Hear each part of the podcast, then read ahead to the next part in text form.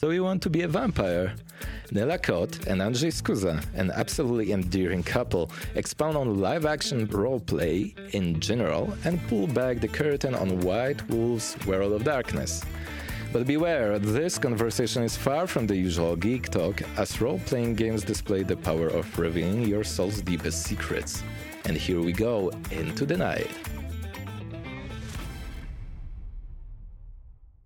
Hey, righto. Who are you? What are you doing here?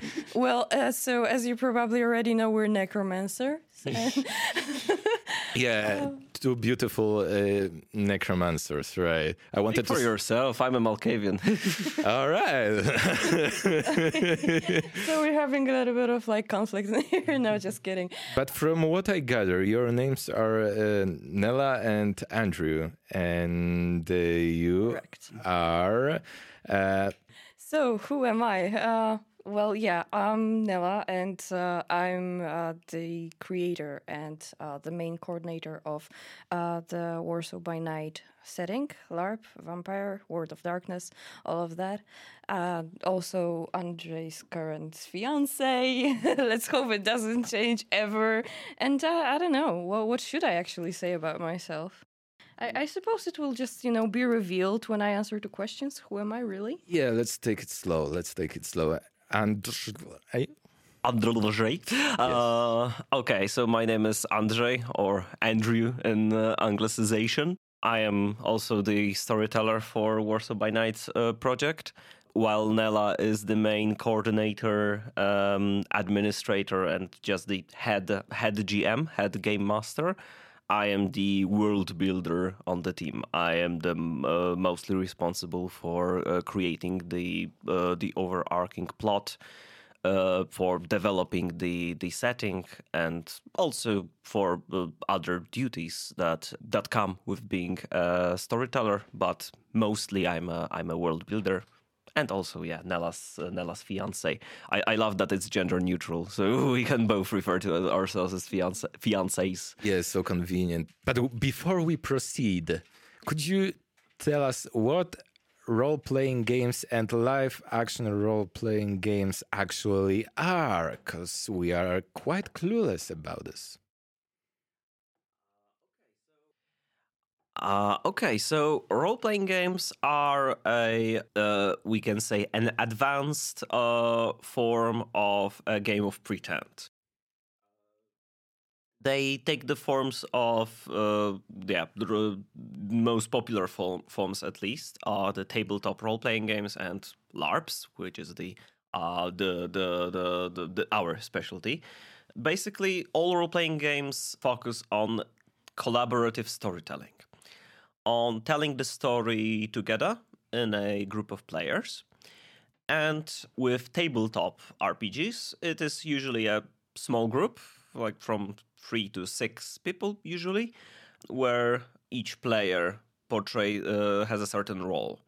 They play a certain character in a setting that is prepared by a special kind of player known as a game master or a storyteller. A game master is the player who's responsible for narrating the story, for uh, describing the setting, for role playing other characters that the protagonists will encounter, protagonists being the uh, rest of the group. And uh, yeah, it's the um, uh, all of it takes place in the world of imagination the uh, the story is uh, told through narration, the, but there is also the element of acting because the players actually uh, speak as their characters. They play uh, they uh, speak on behalf of their characters. Uh, LARPs, on the other hand, is a takes more from the advanced, sorry, advanced improvised theater and what you would call a city game. So it's a um, usually LARPs involve more players than tabletop role playing games, and uh, every uh, here also every player has a character that they uh, that they role play. But during LARPs, you actually move around, you actually act as your character in and the uh, play area is designed to resemble uh, the the narrative presented by the by the game, and also during LARPs, players often put on the costumes that resemble their specific characters. So yeah, it's uh, essentially take improvised theater, but mm, involve more people in it, and make the scenario uh, dependent on the actions of the uh, uh, of the players. Also, it is a game, so it's not just about making scenes together. There usually there is some goal to achieve, some and uh, some uh, some kind of a conclusion that the players aim towards. But this depends also on the individual design of the of the game itself. Is that final goal a joint ve- a joint venture that the players pursue together, or are there separate goals for each player as well? Uh, well, it actually depends entirely on the design of the thing of the LARP that you're playing, because yeah, mostly we're we're talking about LARPs here. It, we can uh, basically talk about like the two types. One of them is that the group achieves uh, a goal. The entire group is involved in it, and they have one goal to actually meet in the end. And for example, if they're playing a crew or uh, like yeah they're just connected by some specific place or characteristics that their characters have uh, so they cooperate in order to achieve that goal and on the other hand, we have uh, the games that are designed uh, where every player and every character, just as that, um, has their own separate goal to achieve in the end. And they very often contradict each other. So this will be more like a game of like intrigue and, you know, that kind of fun thing when you can interrupt other characters and just do your own thing in order to uh, to achieve your personal goals. Um, so, is there something more to it uh, beyond game itself? What might uh, convince people to actually take on these fictional roles and uh, yeah, and join some sort of hypothetical or even imaginary adventure? Well, um, for me, it's basically life. Like this is really fun because um, what I appreciate the most, in in general, in roleplay, in LARPs, and in RPG as well, is the opportunity to think as another person, to portray a character yes that's also fun but this is like in terms of fun but um, the research that i do uh, to prepare the game to prepare myself for the game as a character. Um, gives me a lot of knowledge and yeah even a lot of like trivia fun stuff to throw around when you know at random moments. Um, but also uh, you know to portray another person is to understand that person. So for me like that's the most important part of it. Sounds uh, like broadening your awareness. kind of. But um yeah, uh, for me, that that's really one of the most important reasons I got into LARPing. I was interested on how it works in terms of understanding emotions that I don't normally experience, uh, or even like you know, uh, just participating participating in the events uh, that I usually don't have the opportunity to participate in. Um, so I was really happy to just dive in and and check what's there for me, like especially when I am perceiving the same events as different people. Uh, because if you play different characters and see the same situation, you always have to think like, yeah, what would that person think of? No, not what I think of that, but what would that person think? And I can kind of say that it made me understand people better in general and just to have like a more objective outlook on my personal life even. So this this was the most important part for me but also just the fun that comes from it the experience the emotions and the opportunity to wear the costumes.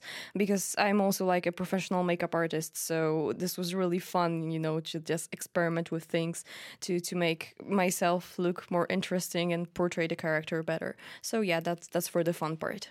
Yeah about the fun here's a I would say that from my personal perspective, um, I uh, uh, I joined LARPing. I came into LARPing for the fun and stayed for something more profound. I'll, I'll be very blunt about it. My first reaction to LARPs was, "Holy shit, there are elf chicks." uh, and that's that, because that's that's when I learned about LARPs. I was just doing some. Um, my my parents. Uh, Mine too. my parents uh, wanted to send me to i mean they, they actually sent me and it was a great decision on their behalf uh, to an rpg summer camp that i actually work at uh, right now as a uh, as a tutor and i heard there is a thing called larps in there i'm wondering what is this thing called larp? Okay so apparently oh, oh, oh so it's like a, so, something like a, similar to historical reconstruction of battles only because that's that's the most common perception of larps in the at least in the uh, in america that when they think larp uh, uh, when you say larp people think of a, a big uh, fantasy battle larp when they're with losers and yeah. Oh, don't be too I, harsh. I mean, American perception of LARPs isn't really that colorful. Um, okay, I'll agree that it's. Okay, I would say that American perception of LARPs is. Um, okay, it's a bit more basic uh, compared to what uh, is evolving here in Europe, but I'm not saying that but fantasy battle LARPs are bad, uh, but yeah, that's that's the perception of the LARPs that I had that they're fantasy battle LARPs. And first I thought, wow, it's so cool. I can I can play, uh, I can wear armor and have a sword, and oh my god, and I can play out actual battles in the fantasy world like my best D and D campaigns that I played coming to life.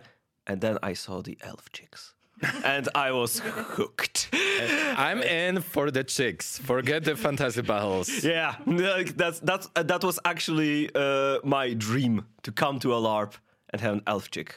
Instead, I landed in a vampire LARP, uh, vampire LARPs, and I proposed to a vampire chick. Uh, How do you like that?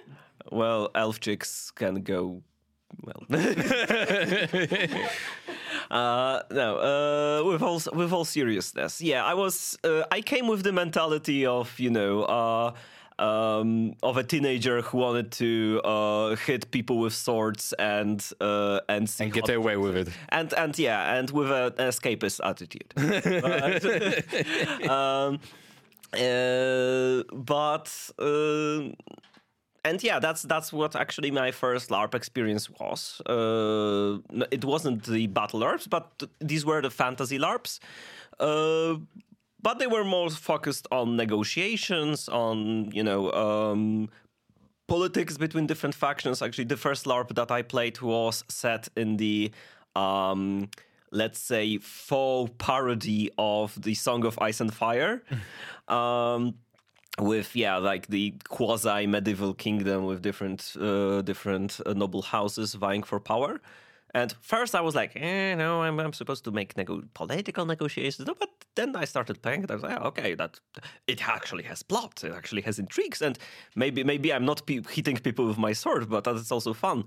Also uh, I, I my, my first larp uh, experience like this first larp was uh, we didn't get the proper character we didn't get the character sheets that were printed on paper. We got only character briefings that the organizers told us and we were supposed to write them down. And the problem was the only thing that i had to uh, write with uh, at that time was a big orange fat marker on a very small piece of paper. Mm-hmm. and then the larp starts. I'm like holy shit what am i supposed to do I take out my notes. I realize I can't read for shit. my my notes are absolutely uh, I absolutely unreadable. I don't I don't remember even my character's name. I don't know who am I supposed to what am I supposed to do in this game? What the hell is going on? And suddenly one of the more experienced players walks up to me and and who who who might you be? And I said, uh, but you mean in LARP or in real life? uh, yeah, that was 12 years ago. Uh, I, I, I think I have grown a bit since that time. Uh, so yeah, uh, actually, I learned that from uh, on my first LARPs that it doesn't have to be about hitting people with swords, and actually, I'm having fun uh, building relations that uh, and exploring. Um, exploring intrigues, exploring stories that I wouldn't have the chance to do in real life. It's still a form of uh, a form of fun, a form of the uh, a little uh, a little jump away from reality that I actually enjoyed. And then I started playing uh, more deep, immersive LARPs. Um, that uh, like vampire LARPs that me and Nela currently organize, and uh, we realized that uh, I realized that wow, wow, the scenes that can happen during this this game, they uh, imagine your favorite movie scenes, like the the ones which you remember for the emotions that you that you the, that you had. For the, the, for example, what is uh, name one maybe not your favorite movie scene, but one movie scene that you. Uh, uh, that you uh, that comes to your mind? Well, actually, the first thing that came to my mind is David Jones playing the uh, orga- uh, the organs. Oh yeah, David Jones from Pirates of the Caribbean. That's yeah. playable. That's playable, actually. Yeah. Uh, now imagine that you are the one doing this. That's how. Uh, that's what LARPs, th- those deep immersive LARPs, are like. However, would I be able to play the organs not knowing how to do that? Uh, here's the thing you can pretend that you do.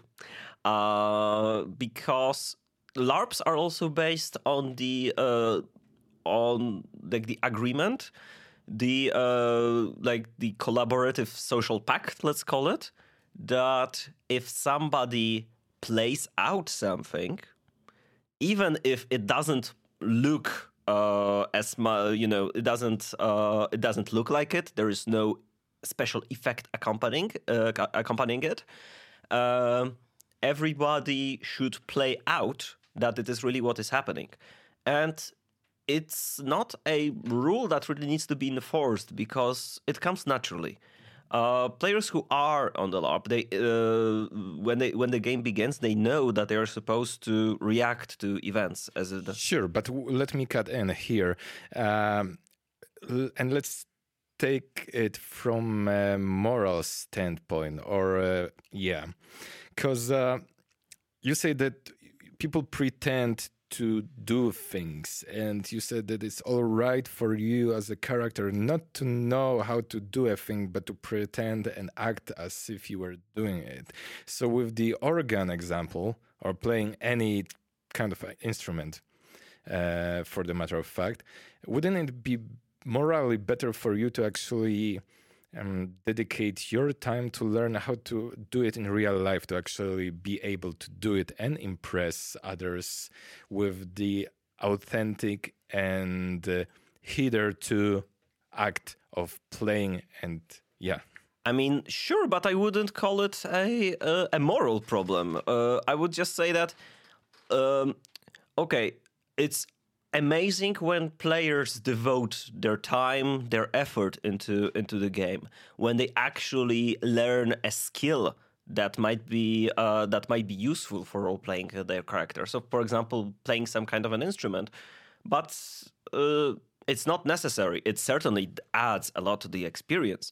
But for example, I played a I played a uh, game. It was a fantasy game where uh, there was a guy playing a wandering bard. Uh, he had a guitar with him, but he didn't know how to play it. As a character or, or no, as a real as, person? As a, as a player. Okay. As a character, he was, you know, a famous bard. Okay. You know, Mhm. uh, Yeah. but uh, as a Yeah. player, he didn't know how to play the guitar. So what he did is he uh, at one time he wanted to make a scene when he was uh, singing a tale to the to the gathered people, and what he did was he was just striking a few of the same notes at the uh, at the guitar, but he made up for it with the story that he that he didn't even sing it. He, he just told the story, but you know, in a um, uh, as as poetically and as uh, mm, um, as poetically as he could. I'm not entirely. Uh, I'm not entirely sure, but I think you call it melodeclamation or something like that, or melodic. very nice word very very nice term uh, yeah and that that actually made the whole scene great even though the guy didn't know how to play the guitar because uh, we we saw this prop in his hand the the actual guitar and as characters we are supposed to li- aha okay so he will be playing the guitar he will be telling us the story and we will listen to his to his story Yeah, um, when it comes to to performing or in general, like how how to act in terms of um, like performing a skill that your character has and you don't. Um, well, there is this thing where yes you you have to make people believe that you're doing something. And even if you're not doing it perfectly you should act like like you can like uh you know nobody would believe you if you just say okay now i play an awesome ballad and you don't do shit. Like that doesn't work. Um, but in general if you try if you show that there is effort in it it's it's really all about effort. And yes some players do prepare some special things for larps. Some learn new skills for that. That's that's fine. That's great.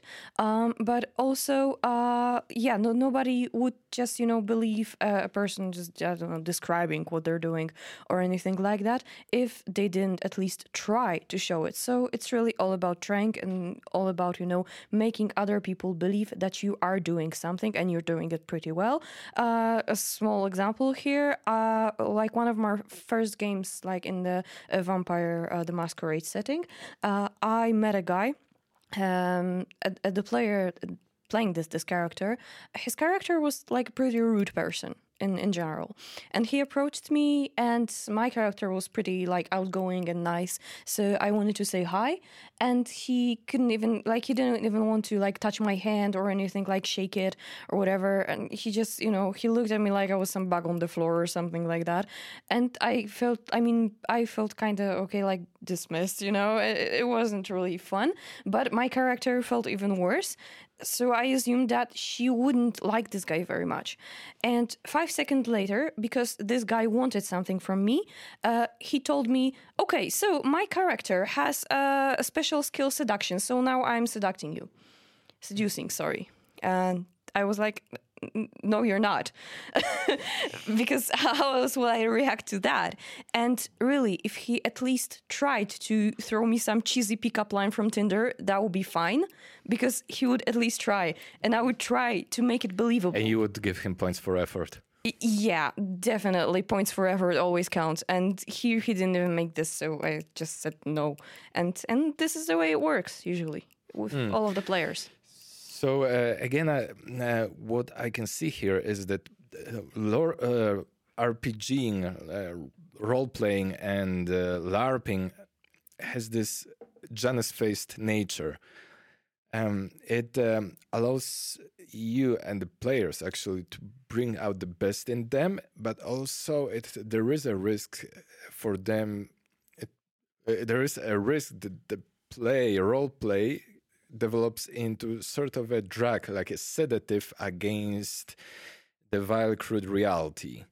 Um, as in, with the example of seducing or uh, seduction and uh, playing any kind of instrument, you can either uh, treat the role play as a mm, as a stimulus mm-hmm. uh, to actually develop those skills and improve yourself yeah. as a human being in whatever direction is necessary. Or you could actually treat the game as a pretext not to do it and convince others that you actually are at least an adept at those skills. So it can be both a motivating factor, but on the other hand, it could be also kind of a debilitating uh, mm, instance of escapism can be and probably is for certain players. I I'm going to be honest about that. I mean, everything that you prepare within a group of people and every project that you create uh, with others um, will have its toxic sides and it's normal it's it's a regular thing uh, so if you treat the LARPs in general, like roleplay, as an escape, just not to do whatever you want to do in your life, but just to to play out of and fear, to, perhaps. Yeah, to to maybe uh, to just stay in this reality it's it's just not for you. Just as like watching movies constantly is not for you if you know that it will make you procrastinate. Uh, just like uh, listening to music and i don't know taking drugs and completely zoning out is not for you if you don't like know how to you know whatever do whatever safely. And like no it's it's just then it, you shouldn't you shouldn't do that if it influences you badly. Like with every other thing in life in general. Um, and yes, there might be some settings that um, are somehow a magnet for what's the worst in people. Uh, our, a friend actually said that, and it's it's a really smart thing that that he thought of. Like, yes, there are certain settings that are a magnet for the bad things in people, um, but also this might be an experience uh, for you to learn from, like how to deal with that, not only within yourself, but only but also within like others. You know, if you meet that situation, if if it's like right in your face, and what will you do about it? Because normally in life you don't have that kind of tension, you don't have those kind of emotions, and here experiencing it might even help you to deal with those problems. So if I was asked like should you try it if you're afraid of like bad reactions of yourself and others? I would still say yes. This is something to try out definitely because maybe you will find yourself in there. Maybe this will actually improve you rather than destroy you. But if you feel bad, I mean this is all to to still to to, to still you know to keep you entertained, to have fun. So if you feel that this brings out the worst in you, you shouldn't do that. And that's my opinion. And uh, also, the thing is that um, about escapism, of course, in LARPs, it takes may take very different forms. Uh, but it's all up to the individual agency of the player. Um, it's not something that is, let's say, a trend or a um, or a virus that spreads to everyone. Uh, oh, come to LARPs, you will not have to worry about reality again. No. Um, what I what I would say is that um, LARPs may serve as a certain uh, what I would say niche for fulfilling certain atavisms that we have as human beings. Um, so generally, we as humans, we have the the leftover from the uh, olden times uh, when we were constantly uh, constantly under some kind of a threat, and we were uh, we needed to be alert to it, and we needed the adrenaline fix to uh, to be able to perform better against those dangers. But today we live in luxurious times that, uh, well, at least in the first world, uh, we uh, countries, yeah, in the West. So, mm-hmm. yeah, but geopolitical West, geopolitical West. That's true, but yeah, even even other parts of the world, like generally, the quality of life is improved compared to what was uh, a long time ago. But we still have atavisms remaining from that time and we still need uh, to to fulfill them. We still need some kind of an outlet for them. Uh, so, for example, uh, some for some people, uh, their outlet for, let's say, their need of aggression, their need of uh, overcoming challenges can be video games, um, or I don't know, watching sports on TV, or uh, there are many different outlets. Uh, entertainment serves this purpose a lot but LARPs served uh, serve this purpose, um, encompassing many different atavisms that we that we have. LARPs fulfill our uh, need for adrenaline. LARPs fulfill our need to solve challenge, uh, to uh, overcome challenges. LARPs uh, fulfill our need to to explore uh, and LARPs also fulfill our need. Uh, thank you, Nela, for uh, for suggesting this. Uh, to to connect with uh, with uh, with people, because LARPs are also a very social form of form of hobby, um, and I know that, for example, it influenced me greatly as a person because I'm an I'm an introvert and I always struggled with making friends with uh, with making connections with uh, with people. Like I, w- I was always the weird kid. Yeah, let me drop my penny into it because actually, for you, uh, all it is uh, right to know that we, Andrzej and I, are high school friends. And I remember Andrzej as this very interesting individual uh, from my high school days who was always some kind of. Uh, who was always uh, somewhat of an maybe not like full-fledged uh, outsider, but he was kind of a, a, pec- a peculiar, particularly interesting persona. But when I met Andrzej a couple of weeks ago, when we were discussing my participation in the Vampire LARP that uh, Nela and Andrzej organized, I saw that Andrzej became a little uh, way more open. He was looking me straight in the eyes, and he al- also had this this this this um, particular. Um, this particular creative energy within him, but he was also more open. So I can say that there is a difference. That Andrzej uh, became more open and I guess more trusting also. Um, but uh, what you were saying about uh, LARPs being an opportunity to develop socially and also um, keep that primal nature of a human being somewhat there with the adrenaline rush and uh, would you say a proxy of challenges that need to be solved um, I would say also that LARPs to me appear as a very good way to individualize your shadow. And I'm not entirely sure if you are familiar with the Jungian concept of the shadow. Um, enlighten me. so uh, Jung came up with uh, the concept of shadow as being the part of um, uh, individual consciousness that is subconscious, that is suppressed, and that's the dark part of our nature that individuals try to suppress and reject. Um, for example, someone might uh, be prone to fits of rage, um, but he suppresses them, not. In, and not in the way that he does not lash out uh, on others. He every now and then perhaps does enter his rage phase and lashes out, but he um, disregards those moments and treats them as non-existent, as they appear, but then he just disregards them, doesn't recognize those aspects of his psyche or of his uh, soul or whatever, his personality, and then. Uh, with with well being rageful is just one uh, example so when you enter a character and that character that you play has some sort of flaws perhaps uh, it allows the player, the actual person, to kind of integrate the, those darker elements of that uh, pers- of his nature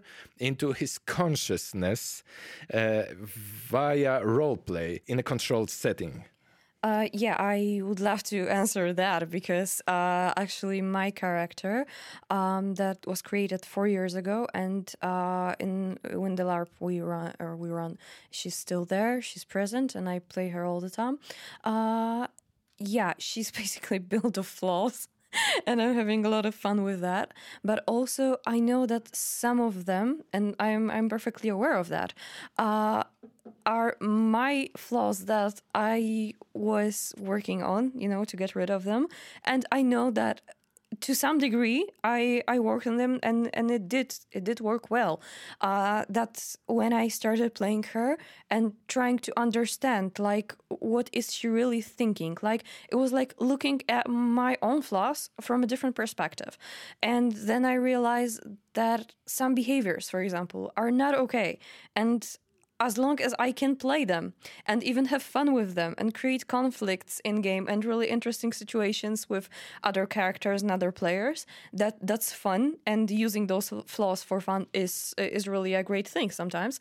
Uh, then I don't have to act this way because I was able to identify the problem and try to fix it. Did that uh, did that allow you to become more aware of your flaws that you demonstrated in real life and thus became more maybe not in control but maybe aware. more aware of them and yeah. whenever for example um, for example uh, a st stream of thoughts Mm-hmm. There is this thing, stream of thoughts. Uh, if you pursue certain um, types of meditation or spiritual activities, you mm-hmm. might end up uh, becoming aware that thoughts often appear in your mind, uh, regardless of your actions, that mm-hmm. they just they, they, just they, flow. they just flow. Yeah. And you should not fight nor s- clinch to them. They just flow and they just move on. Like, Like, let your yeah, mind run freely. Yeah, yeah. I know the concept. Yes. So um, becoming aware of that Mm-hmm. allows you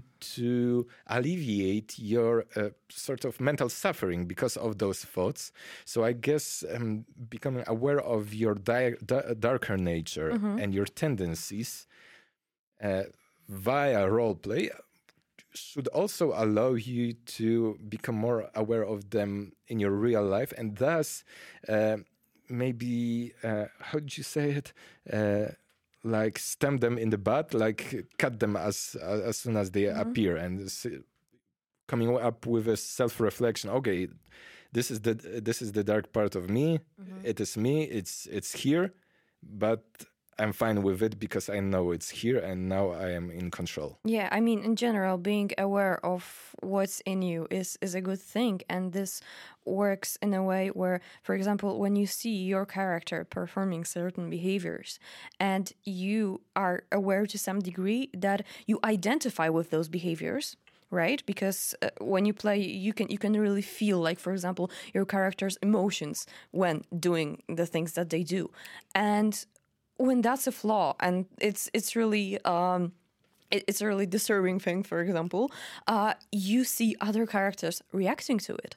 And there's immediately like a switch in your head like okay when i'm doing this it doesn't work well with others but i am also doing this in real life so maybe that's why i have problems somewhere at work or with my family because i act a certain way. And that can be a great thing. In general i won't call it like the dark side or anything like that because i strongly believe that um, you shouldn't really punish yourself with words by calling your behaviors bad or unnecessary or anything like that um, because it's much easier to work with yourself when you don't hate on them.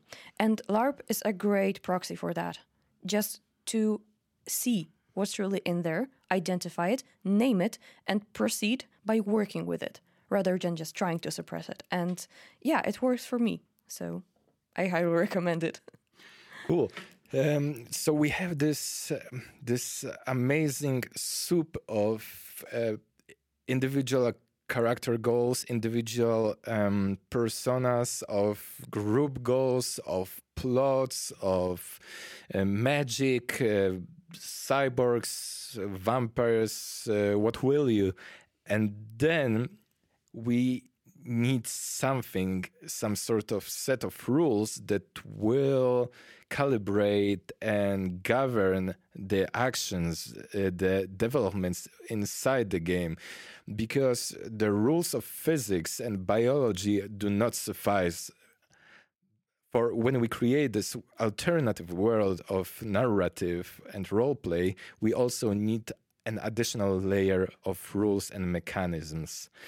So, uh, how do you work that out? Uh, What do role playing games propose as this additional layer of uh, rules? And how is it solved in uh, Vampire the Masquerade per se? So, let's start from the general uh, picture and then go down to Vampire in terms of uh, game mechanics.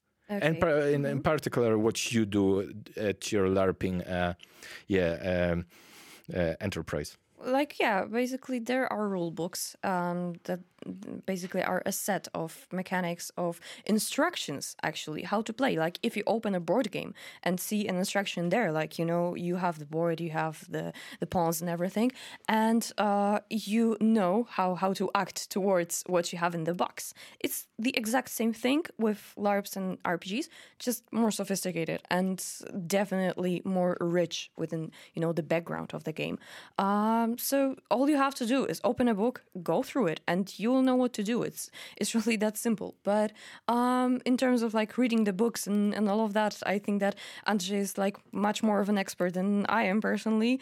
Uh, so i will just maybe let him answer that and uh, then give my input later because i just recalled a crazy dream that i had about game mechanics and i really want to say it but first maybe i'll just let him explain I'll maybe start with the quote from Shakespeare, I think from Othello, but I'm not sure.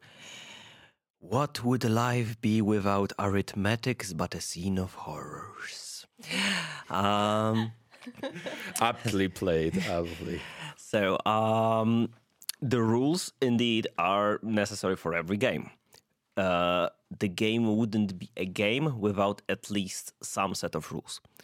And um, generally, uh, okay, maybe let's start globally before we get into Vampire per se.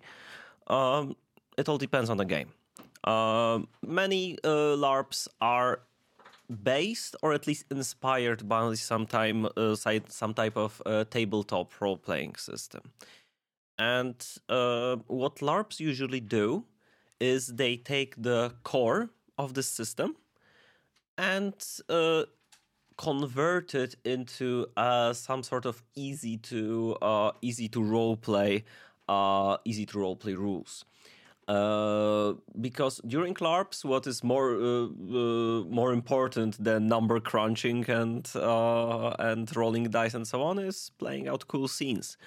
And mechanics rules should be a tool to help you uh, understand or to help you resolve certain actions, rather than a thing that we should focus on. Um, like and generally LARP rules by themselves should be easy to remember, easy to always uh, check. They should have, they should, uh, at least the most important rules, uh, shouldn't be longer than one A5 format uh, page.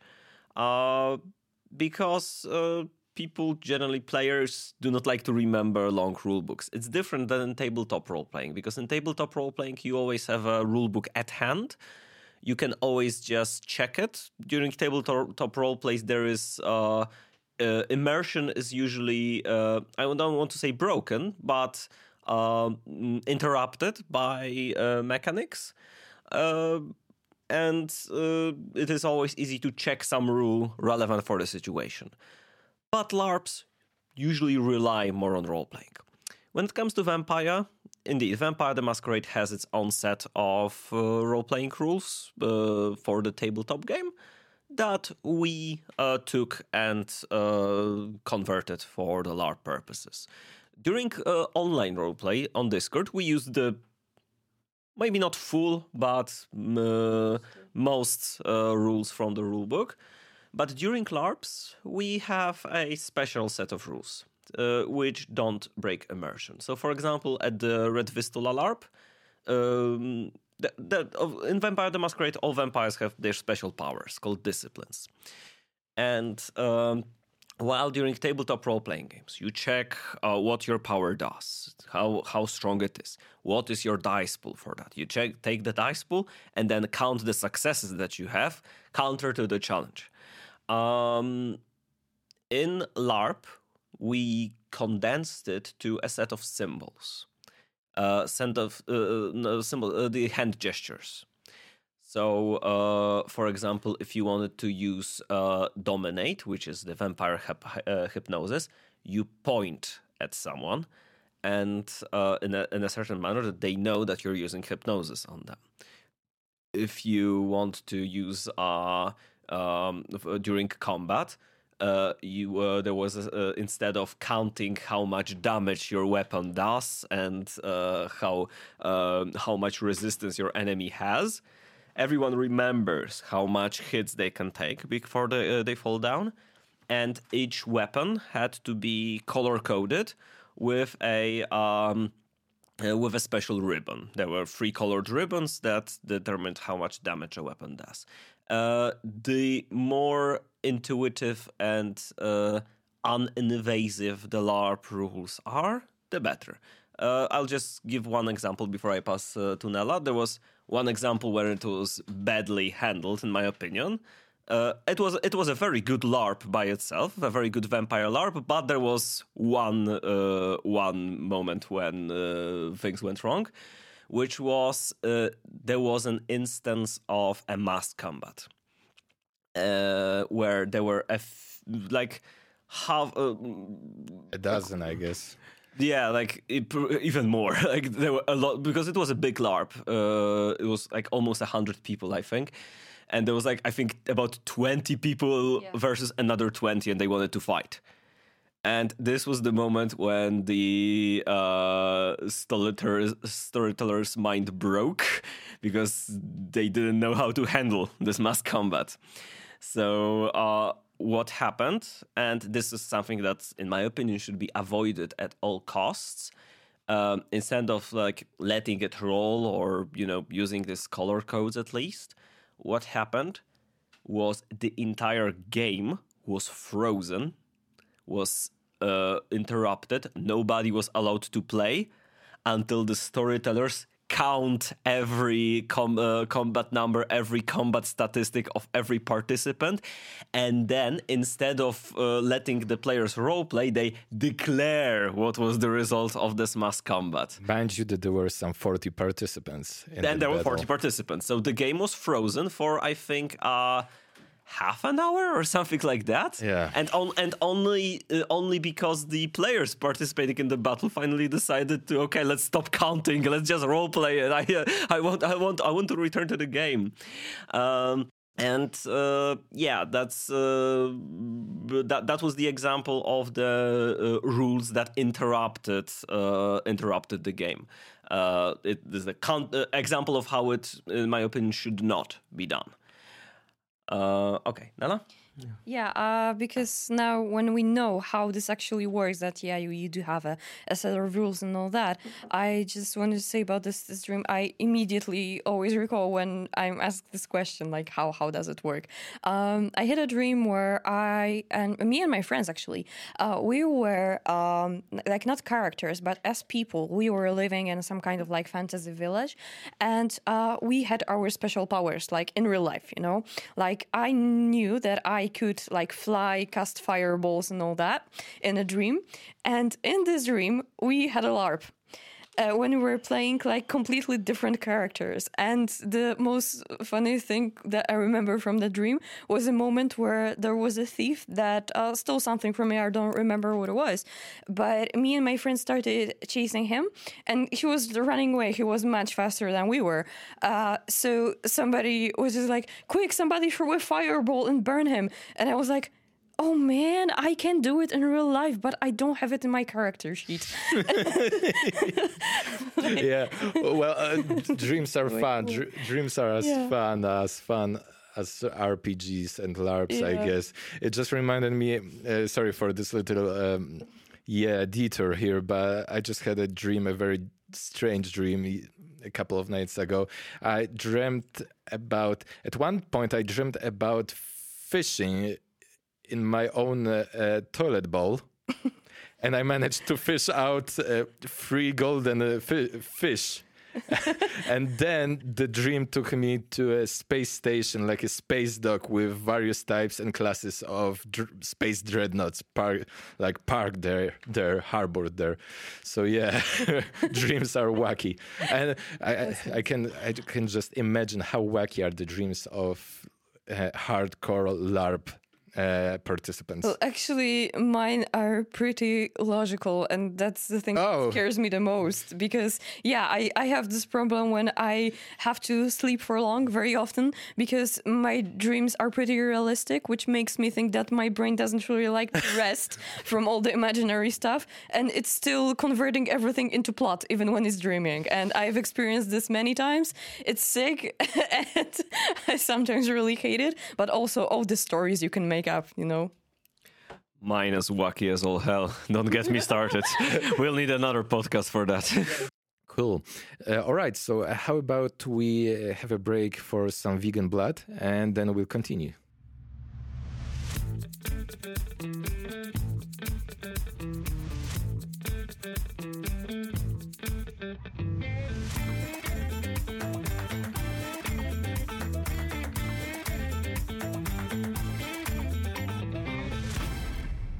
Uh, you said that you are a world builder, and to some of the listeners, especially I guess the older fellows, a world builder rings the same tones as a Minecraft player. So uh, yeah, uh, prove them wrong. Uh, oh, uh, why should I? because um, actually, yeah, you might you might be playing Minecraft as well. Okay, so what uh, what it means the, the as a world builder. And what world? Uh, what world? So the our our project, our LARP, takes place in a fictional setting. The uh, setting called uh, Vampire the Masquerade, developed by uh, White Wolf Publishing. It's a pretty old game, actually. It's been for around on the market for nearly 30 years, and we're just the die-hard fans of this game and we decided that uh, Warsaw needs its own uh, live action role play uh, chronicle set in this uh, game. And you asked about my role as a world builder. It means that the players need to be immersed in the um, specific storyline. They need uh, characters uh, to interact with. They need they need locations that they will that they will be visiting during the game and it helps that uh, our game is set in the uh, darker version of our modern world. So we know already the names of the cities, the, uh, the the cultural trends, and so on, because it is literally our world. But my job is to uh, give players things to play with uh, within this uh, this world. So, for example, the players play in Warsaw they create the secret vampire society, uh, the uh, the domain of Warsaw. But uh, for example, if they decide during the game to go to another city, to visit another city for help, uh, like for example, let's say uh, Poznań or Kraków, it is my uh, job to uh, describe to them how this city looks like from vampire perspective what vampires uh, live in that other city. Oh i see. So interesting. So um, there is like a very nebulous layer like a separate a whole different dimension of reality that you create. Because what i gathered um, there are players uh, and the players uh, can uh, hail from whatever uh, corner of the earth possible. And um, they impersonate vampires. They act they play as vampires and vampires have um, their the world of their own sort of their own social networks. Um, and uh, yes so um, how does that construct uh, work? And um, what's the what's the line between reality and and this game of vampirism that you play? Um I'm, I'm not sure what you're referring to specifically. You, you're asking about the uh, the uh, how how we approach it uh, from the uh, real life perspective. And, um, uh, yeah, kind of. Uh, I I am asking you about how um, how this is done in uh, technical terms, uh, what is the game about? If there is a game, it means there is some sort of price at the end. And what uh, are the mechanics of the game? Uh, what the game is really about? Because uh, what it seems to me so far is that it's like an interactive theatrical play, kind of. Because it actually is like this is this is where LARPs like come from uh, it, it has theater in it definitely. So this means that when this is role play it doesn't have a price it doesn't have an ending. Like i mean some larps do have it they're designed to have an ending but this is not a game to win this is a game to play. Uh, so well from a technical point of view like maybe i would just explain how it looks like and what Andrzej actually uh, does like within this whole world building thing and where is the actual like you know zone of reality and the zone of this vampiric thing that is going on. Uh, and how they overlap. And, and how, how they overlap, yes. Uh, because it's like basically blended reality, you know? Um, so you can imagine that you have buildings in a city that look a certain way. Uh, some of them are pretty dark and grim, and when you pass them, like in real life, you sometimes imagine that there must be something going on in there. Like it might be homeless people, but also it might be vampires. And this is our job was mostly Andrzej's job uh, to uh, put those vampires in there in our world. Like you pass this building in real life, you know nothing's probably there. But in our game, there will be something, and And you uh, could a thought could uh, spring spring up in your head. Oh, there is some occultic thing going there inside this Yeah. building. For sure, it looks so gloom and shabby. There is no doubt about that. yeah so basically it's it's mostly that and uh, we can just like to give an, an example uh, we can just see like a situation from where we're preparing a game for the players and for example one player writes to me so i want to visit vienna and uh, renew my connections with some of the vampires that are there. And i'm like andrzej shit we need like five vampires for now. Like who can be there? Who can live in vienna right now? And andrzej just looks into the rule book or doesn't because he knows them by heart. So like it, it doesn't happen very often that he has to check something. And uh, he just says okay so there will be like one from this clan one from this clan and this person looks like that and their goals are like this. So yeah that's that's a lot of work actually because it, it but it creates a very rich background for the players to to just you know indulge in and see what's there. And uh, then i just check like for example okay what cool buildings are in vienna? What streets are in vienna? And we prepare the whole description together. So it's like basically the setting the world around us is just as we know it maybe a little bit darker. But what's inside it it's up to us to create Uh, there is an anecdote related to that. Uh, recently, a few months ago, uh, we had a uh, we had a plot that was happening in the in the town of Otwock, uh, and um, the players uh, during this action started doing some research about this the town. And they found out that there is a some kind of a sect, some kind of a cult there. Like you know, you're the, like a quasi quasi Christian secular denomination with uh, weird doomsday ideas. That's just the idea that I had. And one of the players decided that she wanted to uh, research deeper into this uh, into this cult, into this religion. Um, and I told her that okay, uh, let's resolve it mechanically. So I told her to roll for it, uh, to roll the dice, and she had such a tremendous success that I had no other choice but invent the religion from ground, uh, from you know, uh, from from, zero, from scratch. scratch. Yeah. Uh, and I spent. I was like, okay, so okay, maybe we'll be finishing up this role play because we mostly uh, play through Discord. Uh, it's mostly between the LARPs. It is on the there is online role play.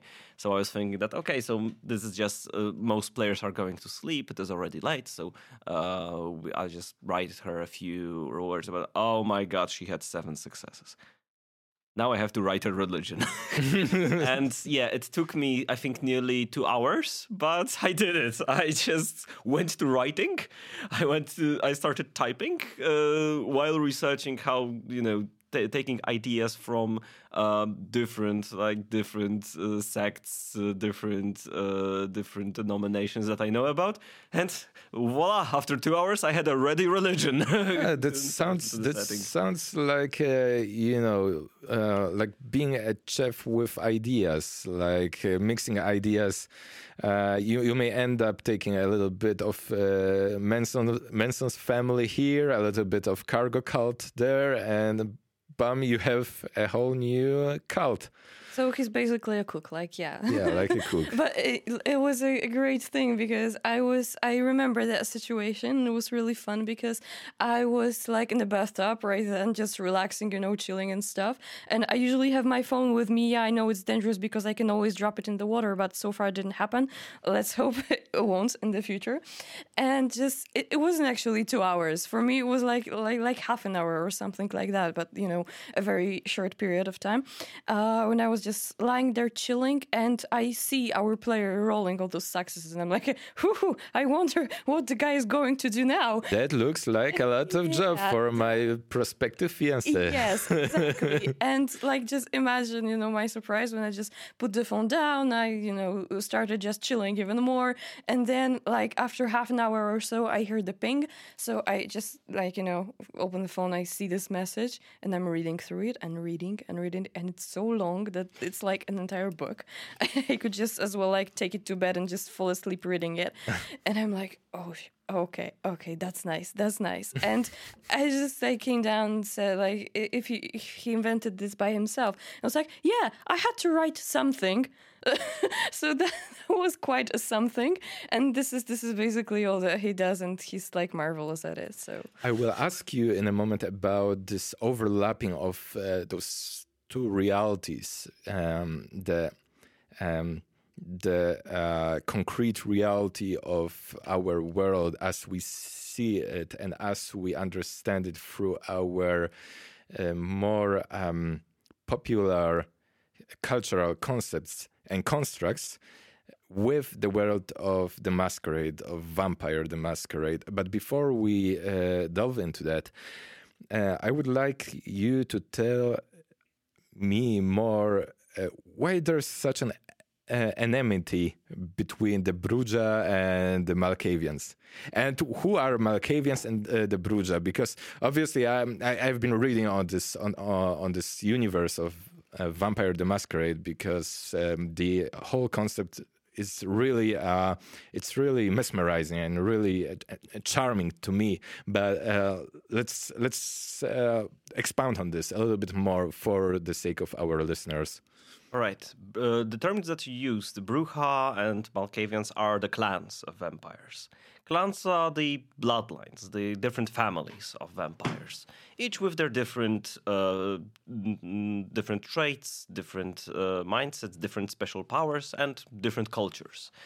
And they have been around since forever, uh, because vampires are in this setting, in Vampire the Masquerade, they are as old as humanity. And the clans were always there. Um, uh, it is said that every clan begins with the so-called antediluvian, uh, so literally, which literally means before the flood, the ancient vampire that existed before the biblical flood, and uh, founded uh, one of the clans. Uh, the Malkavians that you mentioned are, yeah, they are one of the clans. They're the so-called clan of the moon, and they are known as uh, they are famous for infamous for being absolutely insane. Uh, the curse of this clan uh, brings uh, insanity to everyone who uh, who shares their blood, and uh, it is the Malkavians claim that it gives them a certain prophetic insight, prophetic wisdom, the ability to see beyond beyond the reality that the ordinary minds perceive. But other clans are pretty skeptical about that, seeing as Malkavians can get pretty pretty loopy at uh, at times. Uh, Malkavians are like a collection of individuals because every form of madness is a bit different. Brujah, that you mentioned, are the clan of so, so-called warriors philosophers. Uh, they are the uh, proud clan that believes that they have a tradition of uh, they are they were called the learned clan in the ancient times, but uh, even they can't deny that their this legacy degraded a little bit in the recent centuries. Could uh, a revolutionary Marxist be a Brujah? Yes, uh, absolutely. Uh, when you think of a revolutionary Marxist vampire, Brujah is usually what comes to mind. Uh, Brujah, yeah, Brujah are, are the zealous, they are the idealists. They always have some cause that they are willing to fight for. They're willing to, yeah, they're, they are fighters. Brujah are the, uh, uh, as I said, warrior philosophers, warrior poets. They're willing to always. Um, uh, there is this funny saying about the about the about the uh, about the Brujah. You, you said that we can use swear words here. Yeah, go ahead. So the Brujah always say "fuck the system," okay. and when you ask the Brujah which uh, which system, they are the system or any any system. Just fuck the system. Uh, or yes. Yes. So, uh, which system? Yes. Uh, so yeah, Brujah are uh, are known as revolutionaries. They're always subverting the uh, subverting the established, uh, subverting the establishment, uh, subverting the norms. And you asked about the conflict between the Brujah and Malkavians. Well, there's a there's a story behind it. Um, because actually, Brujah and the Malkavians mostly are it, uh, conflict between Brujah and Malkavians, potential conflict, is not as big as conflict between two other clans, Brujah and the Ventrue. The Ventrue are the aristocracy of the night. They are the blue bloods, the clan of kings. Ventrue believe that it is their divine right to rule all the other clans, so they are always found in the positions of leadership.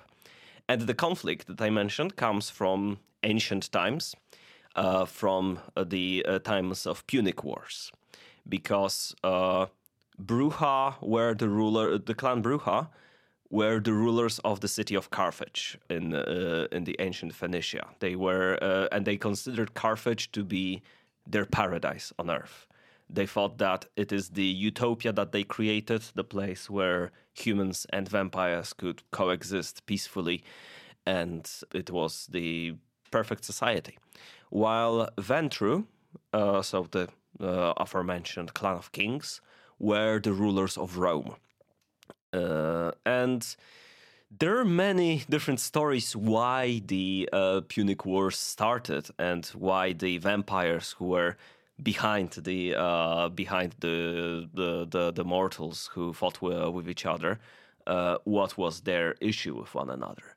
Uh, the thing is that Ventrue, who were ruling Rome, they had conflict, they had rivalry first with the Brujah of Carthage, but um, it is said that the Ventrue of Rome were approached by Clan Malkavian, who uh, by the oracles from Clan Malkavian, who told them that um, there is something uh, there is something going on with the Clan Brujah. The the Brujah of Carthage need to be destroyed. Carthago delenda est. Mm-hmm. Uh, they need to, because if they will be allowed to uh, to persist in this paradise, uh, because if they if they if the Carthage will be allowed to continue existing, there will be some great calamity. So the Malkavians played this, you know, this uh, this advisor character in this uh, in this story, and the Ventrue, who already didn't like the Brujah that much, uh, decided to comply. And the rest is history, as they said. The Punic Wars happened. Carthage was indeed destroyed uh, and with it the Brujah lost their their their, their paradise. They lost their uh, the, they lost their perfect society, and the Brujah hold the hold a grudge to this day for destroying their paradise, for their for destroying their utopia. yeah. Fact. Yes, and they do, but the, they do not blame the Malkavians that much. They mostly they they hate the Ventrue for that and the Ventrue just see the Brujah as a bunch of uh, rabble. Bunch, yeah, a rabble, a bunch of uh, b- b- bunch of petulant, uh, petulant children who never learned to let go of an of an ancient grudge. And uh, yeah, when you think of clan rivalries, uh, the rivalry of Clan Brujah and Clan Ventrue is the most um, is one of the most famous ones. Well, Malkavians they they no longer have an interest in this conflict. Also, it helps that Malkavians have less of an, uh, at least seemingly, they have less of an internal organization than other clans. So even the Brujah noticed that it doesn't make sense to blame all Mal- Malkavians for what happened uh, over 2,000 years ago. Yes, I wonder how many historians are there or were there within the White Wolf uh, a, corporation or whatever company, because uh, as you can hear, uh, the world of vampire uh, is built heavily and it taps deeply into history as such, into the history history of humankind, which makes it all all the more credible and also more relatable. Uh, but um, these are only two clans, and I think there is much more clans to uh, be embraced into and also well embrace what does it mean in the lingo of vampire the masquerade? Embrace means quite simply turning a human into a vampire. Uh, it's a process that is very important very personal both for the uh, both for the creator and the created. So in the vampire the masquerade lingo um, the vampire parent is called Sire, and the new vampire, uh, newly created vampire, is called a child. Uh, and the the specifics of the embrace, it's it doesn't. Uh, a newly created vampire, a, ch- a, child doesn't appear from just biting a mortal. Um, the specifics are as follows: you need to first drain a mortal from older blood, and later the sire, after, right after, uh, right after uh, consuming the, the, the all of the blood of their prospective child, they need to feed a little bit of their own vampire blood to the to the to the body essentially. Nela, how do you do that in game? Because uh, obviously mm, you don't have your players bite into each other's necks and uh, drink all the blood and then somehow regurgitate their own blood into the mouth of their victims or prospective vampires, prospective child. Well, it really depends on how we want it to play because uh, there is like an entire set of mechanics that allow such scenes uh, and they actually make it easier. So like we can uh, actually look at this from like two points of view. One of them is touch and consent and safety and the other one is how to make the scene realistic. So uh, from like let's let's maybe tackle the first one. It's uh, all about uh, basically like asking the person what they are comfortable with, and it's it's basically that. Like usually we just use if we especially during those times of pandemic we don't really want to touch each other or bite each other or whatever. I know some people might kind of enjoy it but also it's, it's not about that. Like extra rush of adrenaline. Yeah. Uh... yeah. I mean you know those things do happen. People just just play and the play is getting intense. It's like yeah they can they can just bite into each other but uh, like fortunately they have no fangs so there will be no blood draining thank you. But anyway um, yeah usually the, the way is just to put your your own palm on somebody and just just pretend to bite into it. So this is oh so you don't have to do it at the neck. You you can bite whatever vein. Actually yes. Actually you, you can bite whatever the other person agrees to be bitten. The thighs as well? Uh, if they like it Ah, ouch! you know, yeah. I mean, it's it's all up to to the players how they want to do that. I mean, some take like, more fun out of it than just than just you know embracing someone. But yeah. And uh, as i said th- this this is more like in terms of safety and consent.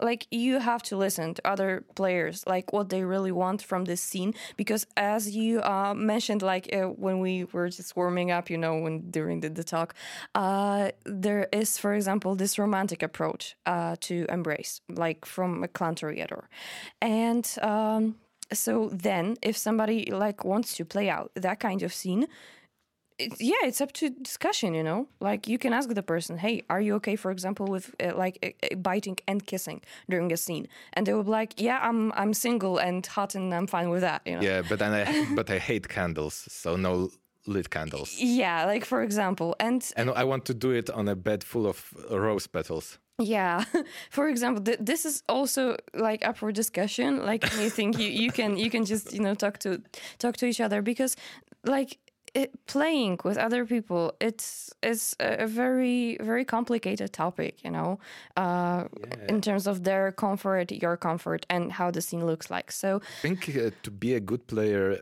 you need a lot of uh, a great deal of empathy. A great deal of empathy that's one thing. And actually what i personally would recommend you might laugh at this or not like basic bdsm education. Because the consent mechanics and safety and all of that safe words, they are already there to use. And they are perfectly great. They work really neat when they are applied to a LARP because it's it's an entirely different context, but also not really depending on what kind of scenes do you like to play with other th- people. Um, but yes, there are really great rules like that will make the other person feel comfortable in your presence uh, that they make, make them feel safe because like safety is, is very important in those cases especially during those difficult scenes. So maybe when like yeah we i think i, I said already about like safety. So like the the second point of view like how you can look at this whole embrace or in general biting scenes um, yeah, I would just maybe generalize it more to touching scenes and yeah, and, and really hardcore uh, things that you can actually play out. Uh, so consent and safety is one thing, and the other thing is how to make it look good. Because okay, so like let's say you discuss this with with the person that you want to play with. That yes, this embrace is going to be a pretty romantic one, but there will be only like hand kissing and like wrist biting because like you're really you know. Uh, old and and this is like it, the manners you know like for example because you, you come from i don't know the 20s or something uh, they're just perfectly applicable to the situation and that's okay but then the scene ends up looking very tacky and and just just in general bad because you didn't really think about the special effects because they also like build the mood special effects they do build the mood so uh, what we usually do i actually uh, am a master cook when it comes to fake blood that is edible and vegan Ooh. yeah. Uh, What do you use? Uh, cranberry juice or uh, no, that would be too tacky. I mean, I'm sorry to say that, but uh, basically, blood has a very specific consistency. Uh, this is a very fun thing because first you have to research those things, and then like your Google search history just looks pretty weird, and the FBI comes in and asks if you're not a murderer. No, that didn't Knock, happen. knock. But I- I- Is it the psycho here living? yeah, no, just research. so yeah, it really depends on uh, blood whether it's the oxygenated one or not because they are they have different colors. yes, they have different So, colors. Which different which which one is? Uh, do vampires prefer one or the other, or uh, they are uh, fine with Probably. I comes? mean, every vampire is different, just like every human is different. So they should have preferences to make them even more more colorful as a character. Um, I see that Andrzej wants to say something, so I'll just finish, like you know, with with the blood thingy. Uh, so how we solve this? Yes, we use fake blood usually, and we use the one that that is perfectly like edible. It's actually kind of tasty. And what do you make it of? uh, it depends. If I wanna, because if I want to get this like oxidized blood like from a vein, uh, then I use a base that is not really clear, but usually coconut milk, uh, because it also takes uh, food dyes very well. And uh, then I just, you know, I, I just I just play play a bit with like black and green and red because blood also has has like undertones, so you have to really work with that. When you usually look at it, it just looks black, but when you put it into light, and then it looks red, or when you smear it. Uh, so mm, this my my fake blood actually does oxidize like a normal one. It becomes like brown after some time. Uh, so yeah, basically that. And when you want to have like a blood from an artery, uh, you use a clear base. So then I would go for like juices and stuff. Add a little bit of cornstarch so they won't be too sticky because it also might cause a problem.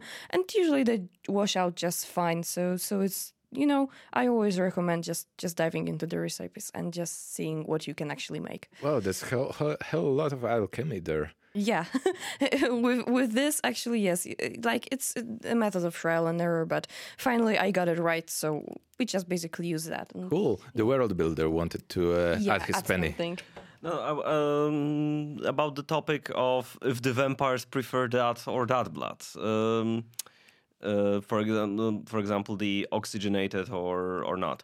It is like mm, about drinking blood. It is more of my personal opinion. There's something that is actually enforced in the game, because mm, not players usually just want to uh, keep track of how much blood they drank, uh, what are the characters' preferences, and so on. But my interpretation of what uh, what it means to be a vampire, my interpretation is that a vampire is not a tank to be filled with blood. Vampirism is a supernatural curse that involves taking life, and thus.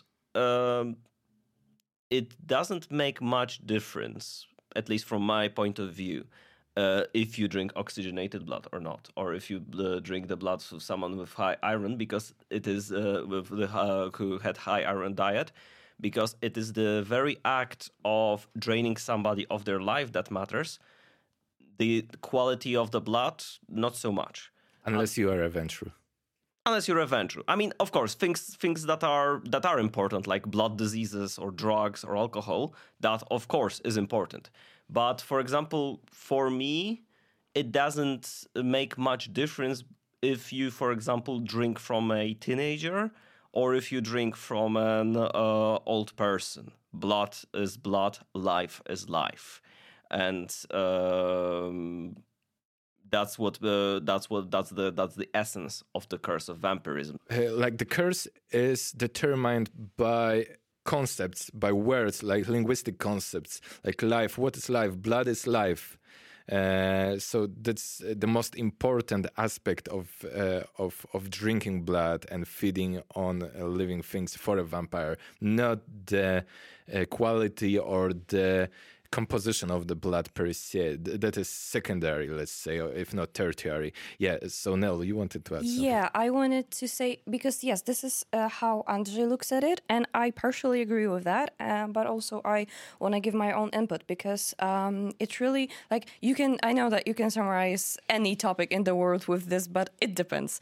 Uh, so basically, uh, it it depends. In for example, if your character is a sensationalist, you know, if they like like different things or to try out new things, they would care about that. They would care if it's like because like blood from the vein and blood from arteries, they flow differently. One of them is like a fountain, and the other one is just like you know a smooth river, and uh, it just ran like runs. So uh, if they actually like to feel something different every time they drink, they would probably go for a different place on a human body every single time. And this can actually make a plot. Uh, this can make a murder pattern, like for example, for your character, if they mess up a couple times, but they have this modus operandi in every single thing that they do, like you know when they're killing their victims, if they're killing their victims.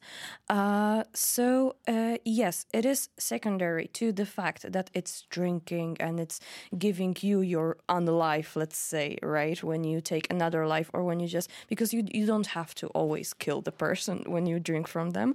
Uh, so it's it's basically up to up to the character what they decide to do or what they can handle because sometimes they can't just you know stop themselves. So it, it just happens. Sometimes they prefer to kill. That's that's also a very individual thing for them. Uh, but anyway it's basically it might be secondary and usually it is but it might happen that somebody would really enjoy playing out a plot where this is actually really important. The blood composition how it works how different types of blood taste. If the old blood is the same as the young blood. And the example I will give here is that, for example, my own character because I still have a character within our chronicles, despite the fact that I'm a game master. Uh, she has this, and you know, a, a, couple of other players also have this. Um, there is a flaw for the character to take, and it's called prey exclusion. Um, and you can decide what kind of prey do you exclude from your diet? So, for example, my character doesn't eat old people. And uh, it might be because of the fact that she still has a living grandmother and she loves her very much.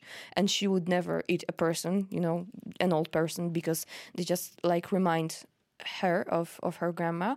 Uh, but also, it might be due to the fact that, for example, the blood just doesn't taste good because it's old. Uh, I haven't actually decided, and I think that for my character, it will just go both ways, you know, at the same time. So yeah. Uh, and also, I also have a uh, persistent character, my storyteller character in the uh, in the game.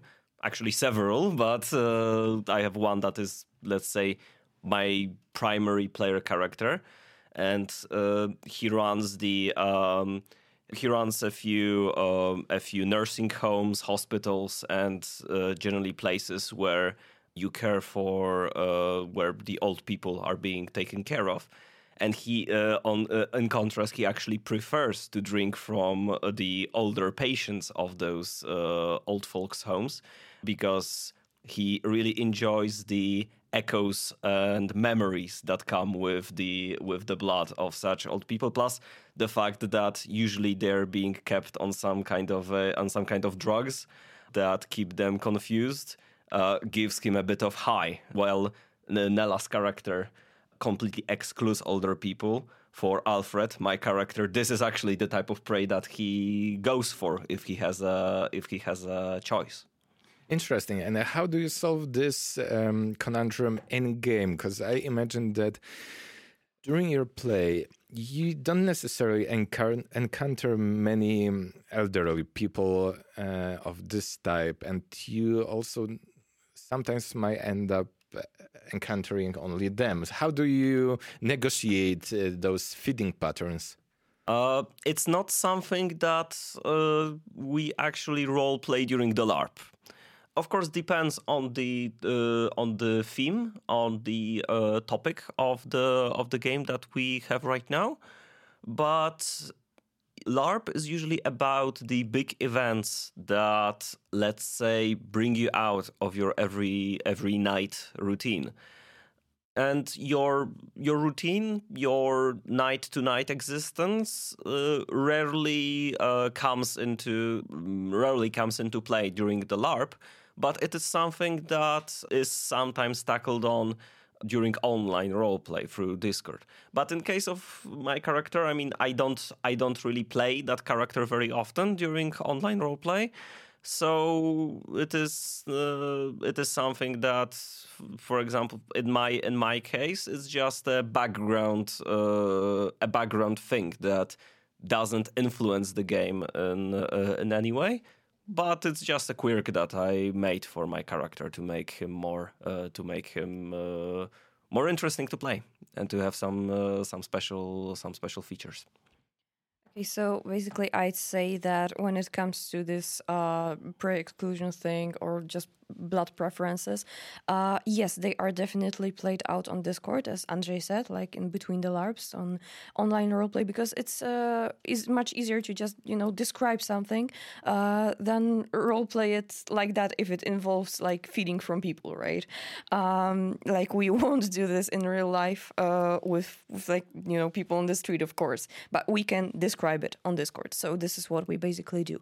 Um, but when it comes to the uh, the live action uh, well, it actually works in a way where this is kind of a ticking bomb if you have those preferences like set very strictly, uh, because normally they would be just a background for your character, like as I said, to roleplay online or to just maybe like make some input during the game. Like for example, somebody's offering you a glass of blood and you're saying like, nah, sorry, I'm I'm not drinking animal blood, for example. And and just a background. But uh, when it comes to this exclusion or like strict preference thing, like for example, also the flaw of Clan Ventrue, like they can't drink uh, you know any blood that is other than their chosen preferences when they create a character uh, so uh, then yeah actually those scenes are sometimes really the best because for example you have a Ventrue that runs into the elysium ground and they're wounded and or something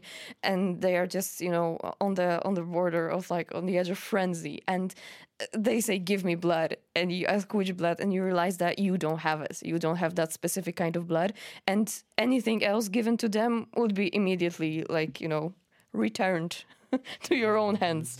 so, so, you said they're, in the state of frenzy or imminent frenzy. Yeah. What does it mean? Uh, the world builder, tell us about this. Uh, the state of frenzy is, as as we call it in our modern lingo, the vampire equivalent of being hangry. Well, vampires have this uh, concept called the beast.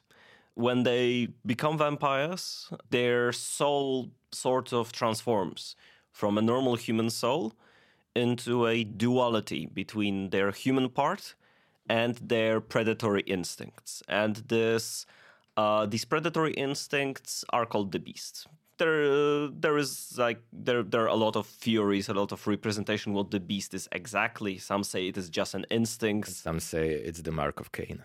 Some say it is the mark of Cain, the first vampire. Some say it is like your uh, your subconscious that. By the way, sorry to go edgeways. Uh, Cain, uh, we are talking about the fellow who murdered his uh, bro because yeah, the first Super Smash Bros. Uh, Upland Cain.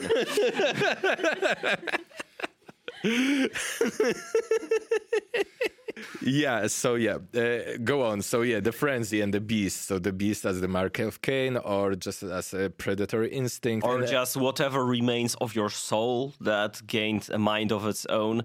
Essentially the beast is your uh, uh, your like animalistic your predatory part Uh, and frenzy is are the times when the beast takes over your human uh, your human nature. Your within human the in the inside the game. How does it manifest, uh, turning into a beast? What does uh, what are the players expected to imagine a given character look like and behave like when in frenzy? No. Uh, well, you hiss and you cover yourself with your cape. Uh, actually,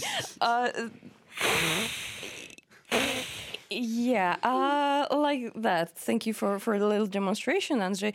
Uh, well, basically, it comes from a very vintage uh, LARP that was all about listening to Bauhaus and like people sitting in a circle and hissing at each other. And this was like one of the first vampire LARPs to happen on a school convention, like ever. And it was so hilarious. Like, we, but but we are actually thinking of recreating it, you know, just as it was. It would be fun, like four hours of hissing. we're already getting prepared for that. Yeah, but anyway, no, to um, when it comes to the frenzy, uh, of course, uh, another thing between the Discord thing and the live action. Uh, on Discord, you can describe it as always. It's very cool to uh, to have that tool because uh, you can't really show everything about your character in the live roleplay. Why? Because you're not a freaking vampire. That's easy.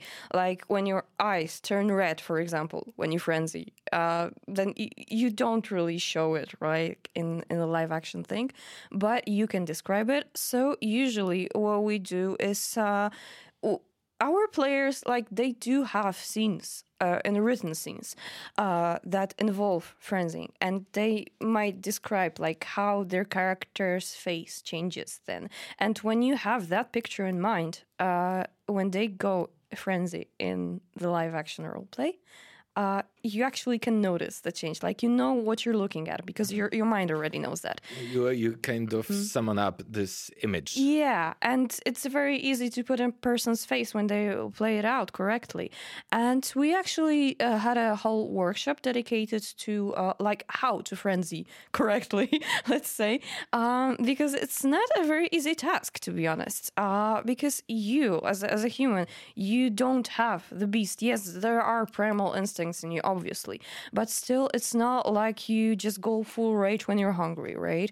Uh, I mean, you can, but it's not very recommended, and uh, we usually leave it to um, to all the players to cooperate with you during those scenes, and it's very important. I always uh, stress. I, I really yeah I can't stress that enough. Um, that this are the scenes that require all of the players to participate, not just the one that frenzies. Like you have to react properly. You have to help them with your own role play. Like if your character would try to stop that person, they should try to do it. If they would be scared shitless, they should be scared shitless, like you know, crying in the corner or something. Uh, and so then it's much easier for the person to actually roleplay frenzy when their surroundings react correctly. And then you can scream, you can shout, you can pretend to like try to hit others or kill others because yeah, we also have a separate set of mechanics for, you know, combat and scenes with violence and all that. Uh, so you sh- can basically use that uh, every LARP uh, has a different set of mechanics for that. So it's not like I can just, you know, um, generalize uh, this thing. Like in our LARP, it works this way that you basically kind of enter combat and you can try to attack others and they should react accordingly. Uh, and yeah, and you just have to like like scream and shout and probably some swear words will be also involved. Uh, if you have fake blood, it's also nice to use it because like when you bite into somebody accidentally, as we were discussing the biting things previously. So this is just all of that connected, and and you just have to rage. That's it. Yeah, but how how do you keep the player, not necessarily the character, but the player in check so that he or she does not get carried away? Because I imagine that, and I've seen um, uh, the players during Red Vista, they are very good actors. Like the the majority of them are very good actors. Um, but I guess that you, if you really enjoy the game and uh, and when you have this tendency of immersing yourself entirely in the world and in your persona, uh, then you there might be a risk of being carried away by your own act. Is the are, are there any safety checks Uh, apart from the ones that you mentioned, uh, safety, consent, and this other one. Well, I mean, it's just like real life. You can always get carried away when there are too like many emotions. Like when you try to have a polite discussion and you start screaming at someone. It's basically kind of the same. The only difference is that then you are encouraged to make physical contact because you are that playing that kind of creature. But uh, actually, all that uh, is about you know keeping it safe during the LARP comes from the preparations before the LARP. So, this is where you learn not to get carried away. This is where you learn to actually control your emotions and how to immerse into the game safely. Uh, so, you, you won't get, like, you know, caught red handed, like doing some bad stuff to others. And, and yeah, this is, this is all this stuff happens. Uh, you have to really think about how your own behavior changes uh, within the game, how your character's behavior influences yourself. Because obviously, if you're playing it and if you're playing hard, uh, then you can really like just you know uh, embrace your character's thinking and their behavior. And if they are more aggressive than you are for example then it's it's easy to to actually become them for a second. Exactly. Mm-hmm. uh, and uh, my question is i i uh, pose this question to the both of you. Mm-hmm. um, which option is better?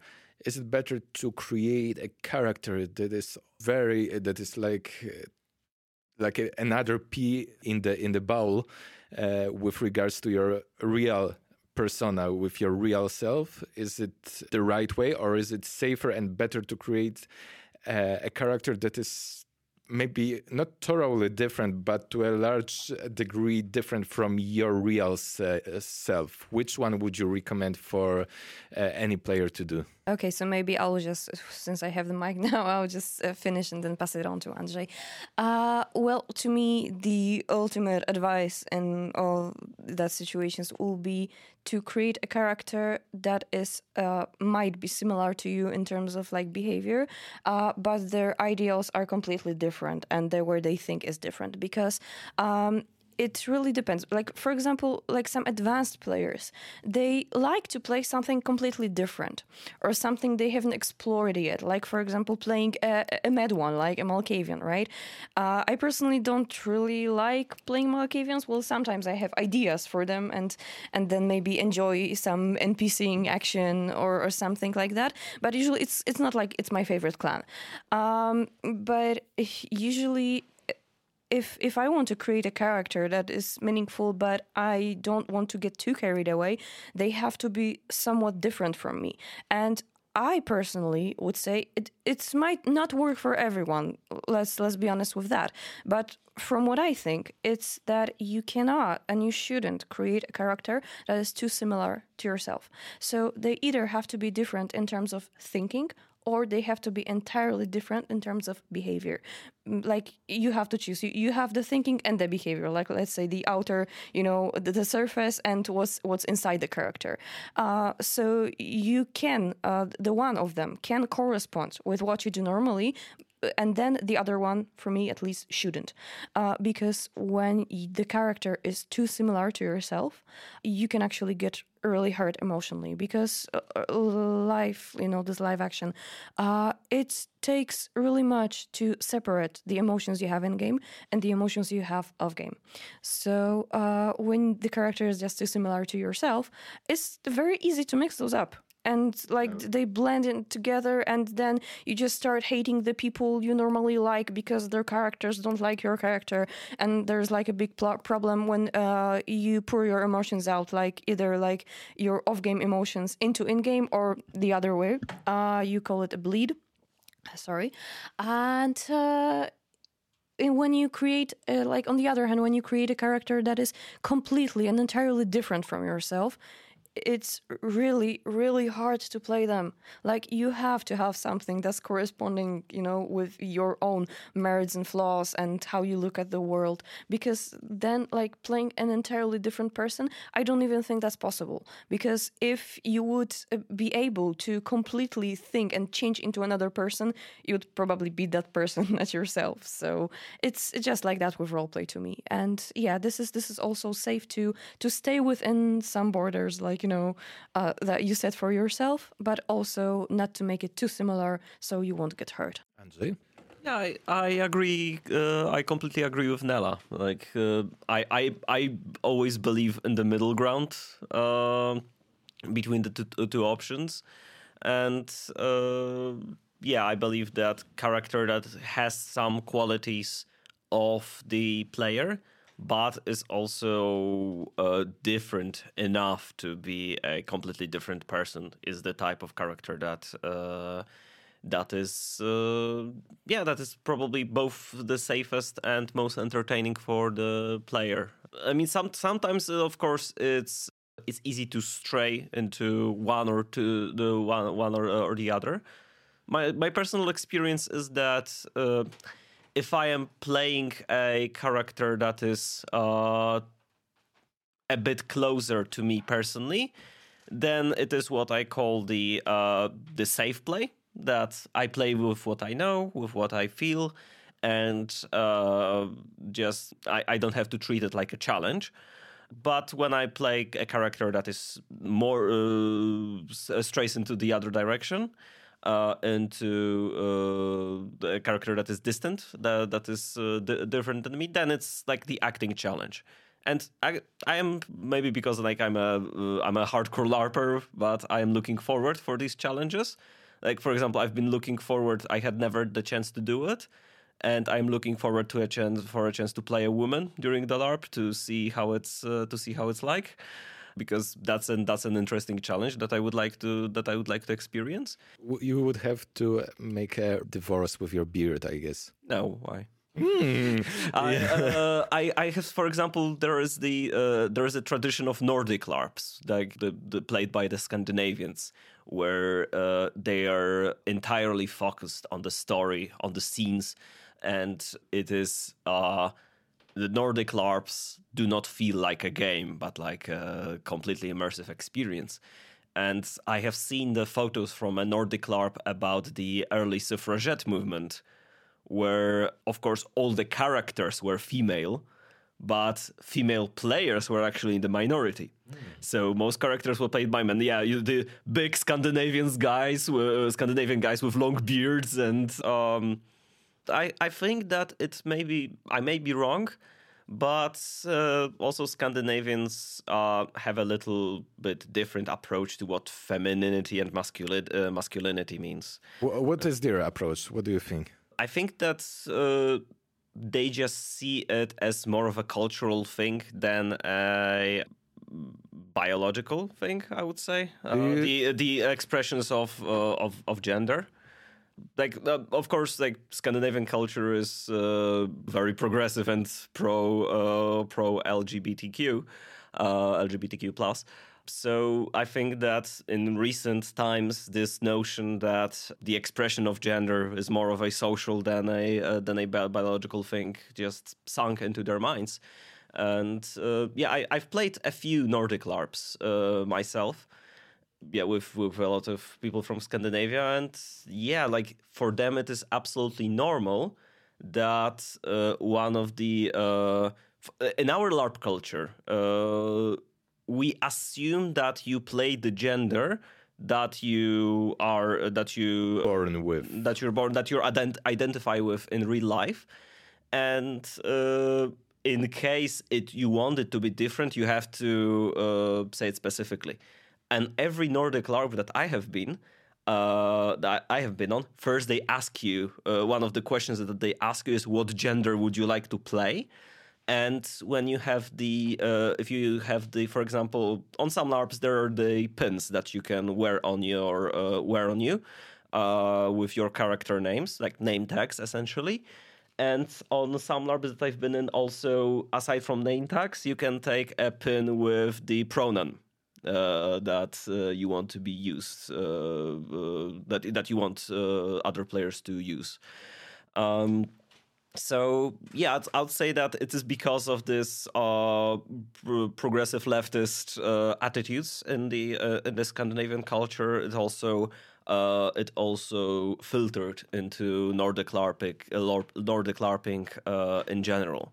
Yeah, I think the equality or uh, the emancipation of women has always been there within the Nordic culture. Um, I'm thinking about uh, the Nordic, the, the Viking women who were participating in the rites, and they were also taught to to wield a sword. So basically, those barriers between uh, the male and female domains were kind of blurry there.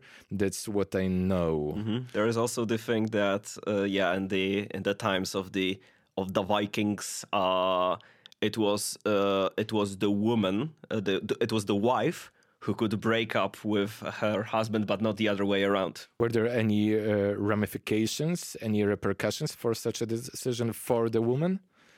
Uh, okay, I'm not an expert, so uh, but from from what I have heard, at least, I, I haven't heard of such repercussions. Maybe let's put it this way: that it was, of, of course, a woman need to needed to have a good reason to break up with uh, with her husband there was a specific ritual for doing that that I think that she needed to uh, open all the windows in the uh, in, in, the house and then go to her husband and break uh, down a bowl of water in front of him and this was the symbol for for for for, for the divorce but on one hand yeah they needed a reason for that but I've heard of an anecdote. I don't know if it's true or not that uh, a woman uh, divorced with her husband because he was going around uh, shirtless for uh, far too uh, more often than she would like to. Okay. And, uh, what? No shirt again? Get out of my house. cool. Yeah, there's there's so much you can learn um, while uh, taking part in LARPs, I can see, and basically uh, also being a world builder and also a, a character in in and of itself uh, makes you and becomes a good reason for you to learn things like little curious. It's a good way to keep your uh, curiosity alive, doesn't it? Indeed, uh, role playing is an excellent exercise both for creativity and for um, and for research.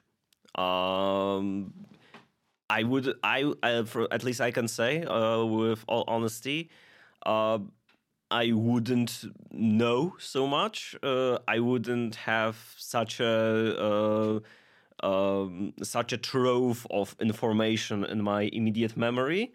Uh, were it not for uh, were it not for role playing and for the amount of research and uh, reading and learning that uh, role playing involves.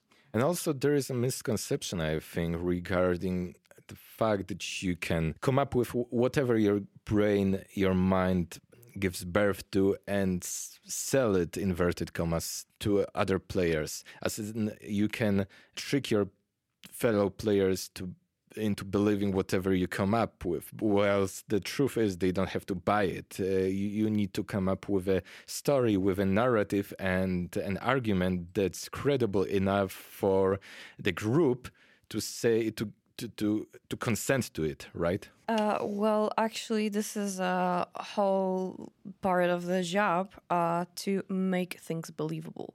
Uh, because yeah, if if you play anything, if you create anything, you have to create it in such a way that people will look at it and say, "Okay, that's legit." And um, actually, this this is a, a part of my job uh, to make sure that the things match and that the puzzles, you know, they, they come in together to form a whole piece. Um, because uh, this project like we didn't start it like we didn't initiate it. It was initiated by somebody else and then the game masters the the, the, the whole team actually. It changed three times mm, before we took over. But when we did we finally like have like a, a stable team of organizers and i like the fact very much uh, but uh, in general uh, what were we talking about? I'm kind of sleepy. Sorry.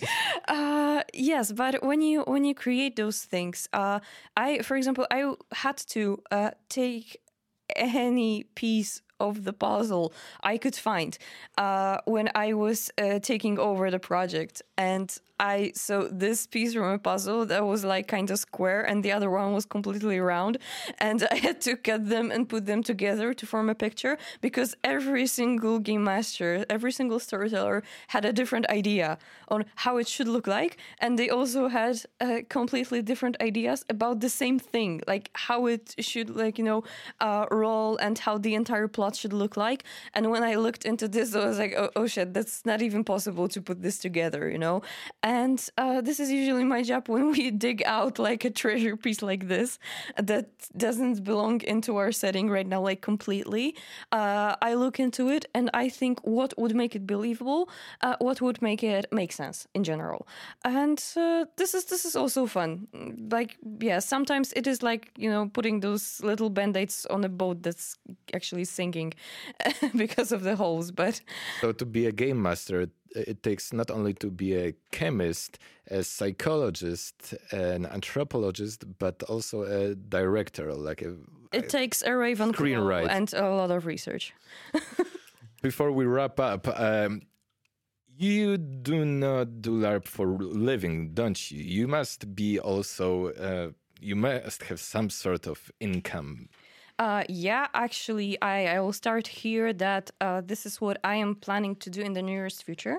Uh, me and uh, another person like we are going to actually open an institution maybe let's say or um, a, a, company like we, will see how it works out um, that will do games and we will be trying to actually earn money on that. We'll see if that's possible, uh, because we have this idea of as in computer uh, games or no, as in uh, live action role play. Like um, you know, that is um, just for the people that usually wouldn't participate in such such things, such projects, um, but this won't be about any fantasy thing or anything like that, but we have this idea, this concept of LARPs that are close to the soul, you know? Like, for example, a LARP about a wedding or like a, a mystery that you have to solve, like within a company or something like that, where regular people would be able to have the taste of the fun, uh, see what it's all about, and yeah just just have some cool experience with, with it like with the topics they already know and they don't have to uh, like digest a whole new world just to play oh so you, so. so you want to spread the bug I want to do it, yes. and I'm very excited about that.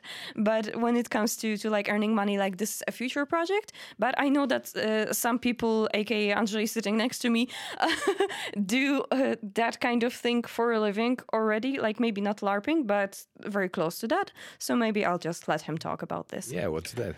Uh, yeah, I don't uh, I don't, uh, we don't earn money on LARPing yet.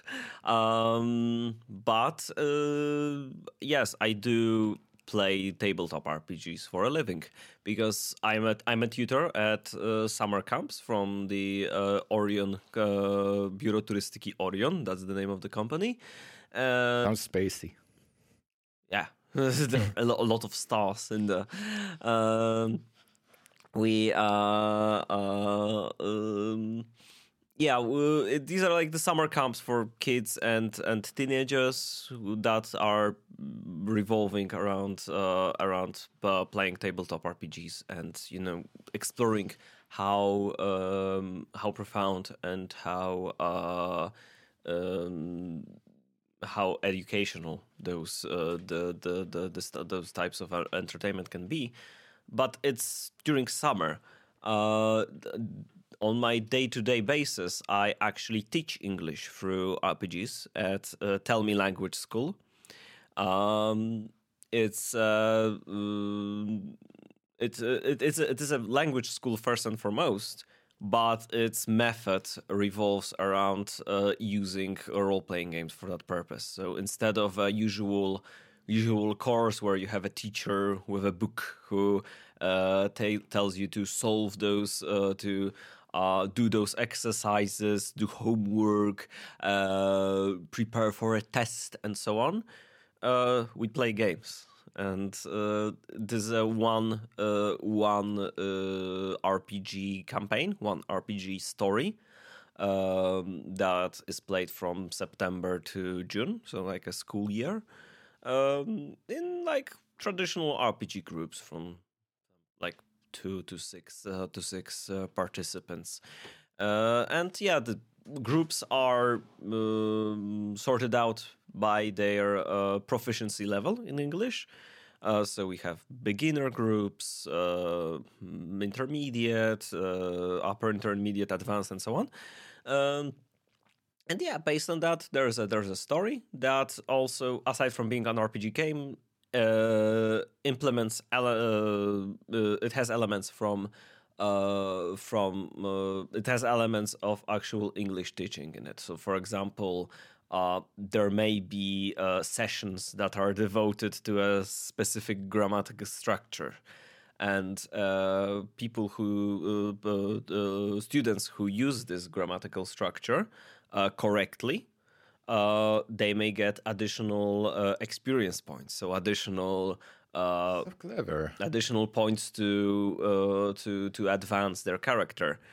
Or just um, or uh, as homework they get um, describe one uh, des- describe uh, answer those questions about the biography of your character so uh, it's a gamification of a uh, language teaching method because I just uh, recalled this one thing uh, where you were supposed to uh, teach the kids like some specific structures, and uh, it was yeah like the idea we had. Um, because I actually like had my input uh, in this, uh, but also Andrzej just performed it like perfectly. I, I listened to that lesson; it was really cool.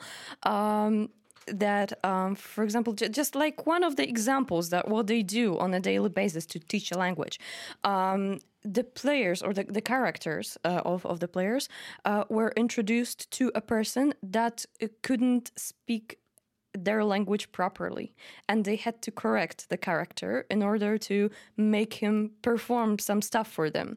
And it was uh, like a really cool way to actually teach them on you know how to how to say some things that, that they wanted to say how to how to do it correctly. And this is just like one of the million tools you can implement uh, in a game like this. And uh, what works well in this like usually if you ask people um, like nowadays it's it's very popular. If you ask them where did they learn the language from? And they're like oh games and movies. And it's just that kind of thing. Like it connects actually combines a game a movie because every character is a main character in their own story, and also teaching the language.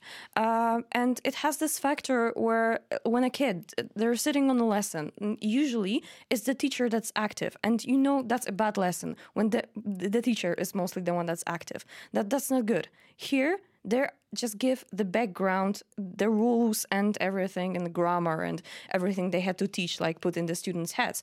Uh, but it's the student that reacts. Usually, when when you know a teacher asks you, okay, so for example, a tro- troll approaches you or a dragon, you have to fight a dragon. What do you do? And there is no way that at some point, like a student won't break and answer this question, even if they don't know the language perfectly and they want to take action. So, this is what's the most important part of those lessons. Awesome.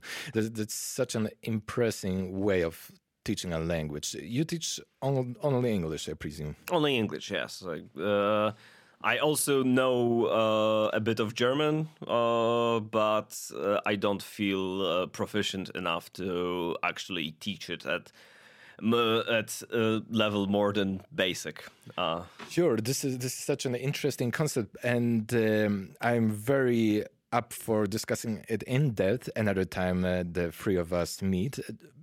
Just before we call it a day, tell our listeners where can they find you and how can they reach you in order to be embraced into this world of darkness? Welcome to our eternal night. Um, good question. Uh, usually facebook uh, instagram uh, what have you? Email uh, company uh, well, actually, we don't have like an Instagram or social media. Uh, we usually work in a way where a friend recommends a friend that wants to play uh, or something like that. And it's worked really well for us because, um, like, there is only like the three of us because there's also like a friend uh, helping with all of the organizational stuff. So let's say that we have three active storytellers. Um, that's not really much like we could have more and we wish we had more. So we can only like take in like a specific group of people that like for example up to 25 let's say and not more than that. So usually we're not really open to any kind of promotion or posting social media content in order to show what we are. And we're pretty fine with that. Um, but if somebody wants to like participate we're always open, especially because of the fact that, for example, some players come and go, and the spot, like the, the spot for for one or two people, it's always there. We will always find a place for somebody new. Um, so if somebody wants to find us, it would be actually to the best to uh, to find us on on Facebook and. And how would they do it? What do they have to type in the search box? uh, contact me personally. It will be the best idea. It's the most simple way to actually reach the project. so would, uh, it would be Nela Nela Kot, Nela Kot. Single L or double L? Mm-hmm. single L. Nela Kot. Yep, and and that's it. And then they will be added to a conversation with all of the three storytellers to agree on a character. Then they will be added to Discord. Their channel will be set up and everything that we usually do when we take in a new player. And yeah, we're ready to go. Sure. So, uh, anything to add, Angie? Uh, you can also find me. Um I'm uh, I'm also on Facebook, and sometimes I check I check it. It's Andrzej Skuza. Yes, exactly. Uh, that's uh, that's my name. Um, also, uh, you might check out if you search around the social media, the internet. Our um, the the the uh, the well the website for our previous LARP, uh, Red Vistula.